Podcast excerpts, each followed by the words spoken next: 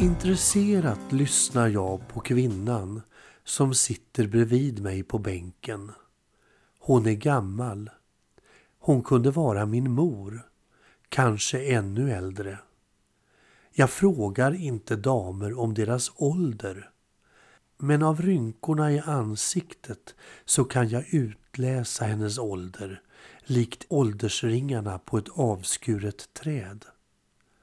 Hon berättar faktiskt hela sitt livs historia för mig.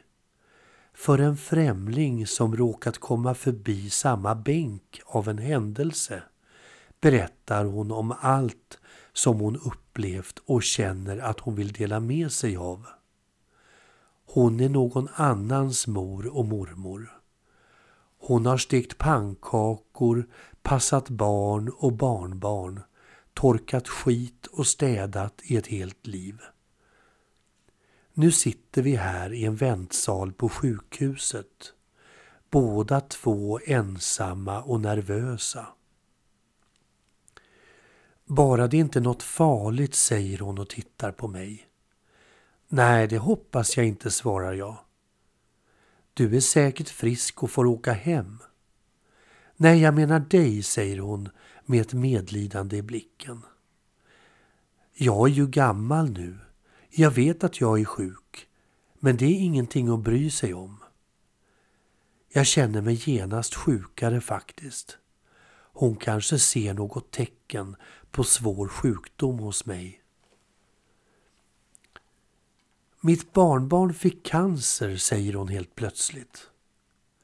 Åh så tråkigt, säger jag och ser deltagande ut. Ja, det var inte lätt. Det kunde väl ha drabbat mig istället. Jag som har levt mitt liv och nu är trött på allt sammans. Mm, hummar jag och nickar. Han var bara åtta år den lille kraken när han dog. Och så tar hon fram en gammaldags näsduk och torkar sina tårar och snyter sig. Vad ledsen jag blir av att höra det, försöker jag trösta. Tack, svarar hon, som om hon är van att tacka för folks medlidande. Vi sitter nu där tysta bredvid varandra och hon snyftar sakta. Jag går själv hit på kontroll varje månad. Barnen jobbar. Jag är rädd varje gång men ingen har jag att berätta det för. Jag vill inte störa någon. De har haft nog med problem. Jag ska försöka klara mig själv så länge jag kan. Så blir det min tur. En sköterska hämtar mig till undersökningen och jag och damen tar ett litet tafatt farväl av varandra.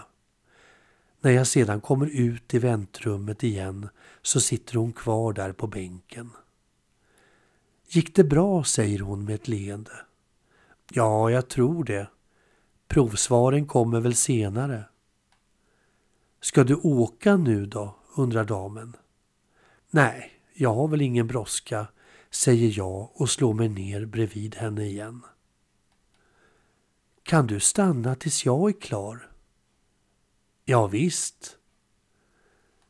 Det skulle betyda så oerhört mycket för mig att någon väntar här på mig. Jo, men jag väntar på dig, säger jag. Och du kan till och med få skjuts hem om du vill. Damen skiner upp som en sol och i nästa stund kommer sköterskan och ropar upp hennes namn. Ulla Persson. Det är jag det, säger damen och tar sig upp från bänken. Men min son stannar här ute och väntar tills jag är klar.